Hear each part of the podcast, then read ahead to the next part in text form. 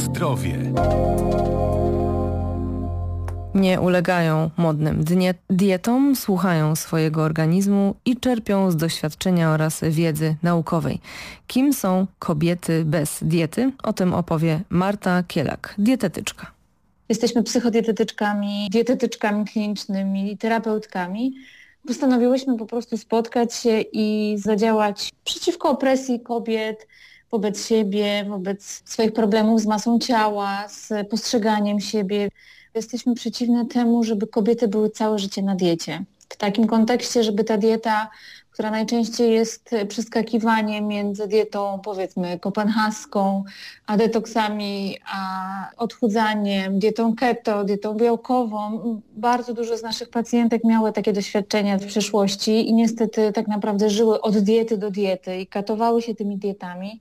Dlatego postanowiłyśmy, żeby zacząć mówić o mocy jedzenia raczej, czyli o tych właściwościach, które jedzenie po prostu daje. Nie mamy sobie takiego poczucia wyrzeczeń, ale wręcz raczej dbania, dogadzania ciału, dbania o jego zdrowie, o składniki mineralne, o witaminy, które potrzebuje. Jaka jest kobieta, która może się właśnie podpisać pod tym hasłem kobiety bez diety, że jest taką kobietą? Przede wszystkim jest kobietą, która chce dla siebie dobrze dba o to, żeby ten organizm, który jest jej dany, żeby był jej takim domem, w którym będzie się dobrze czuła. Będzie też dbała o wysypianie się, o regenerację organizmu i zaczyna myśleć o sobie, dbać o siebie, o swoje zdrowie, samopoczucie, relacje swoje też w rodzinie i też relacje z jedzeniem, bo to też jest taka relacja, o której rzadko się myśli i mówi.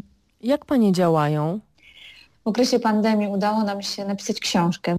Spisywałyśmy wywiady, które właśnie mają dotyczyć e, różnych zagadnień rodziny, relacji z ciałem, relacji z jedzeniem.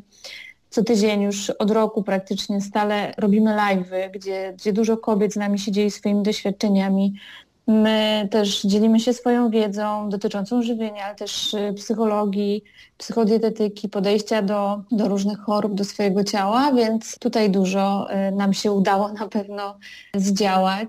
Szczególnie, że widzimy, że kobiety bardzo potrzebują rozmawiać, bardzo potrzebują dzielić się też swoimi problemami, ale też swoimi wątpliwościami, bo często w związku z takim szumem medialnym nie wiedzą tak naprawdę, co powinny jeść, bo no też nie ukrywamy, większość z nas jest dietetyczek, więc chcemy też ludziom pokazać, jak zdrowe jest y, jedzenie i jakie są wartościowe i cenne dla naszego organizmu. Mhm.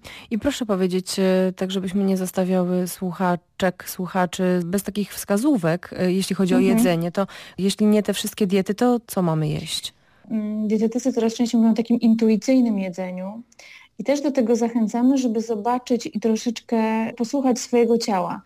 Kobiety szczególnie boją się sobie zaufać i boją się tego, że właśnie organizm taką ciemną drogę poprowadzi, tylko e, związaną z przetworzoną żywnością, ze słodyczami, z właśnie jakimiś słonymi przekąskami, a czasami może warto właśnie, nawet jeżeli organizm tego potrzebuje, czy coś nam podpowiada, że to jednak jest to, na co kobieta ma ochotę, to może czasem warto sprawdzić, jak się czuje po tym, że na przykład mimo wszystko boli mnie głowa.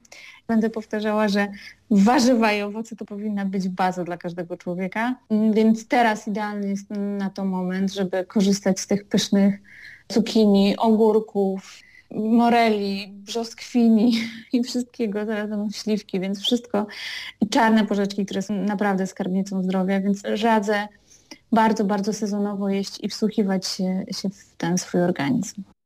O czym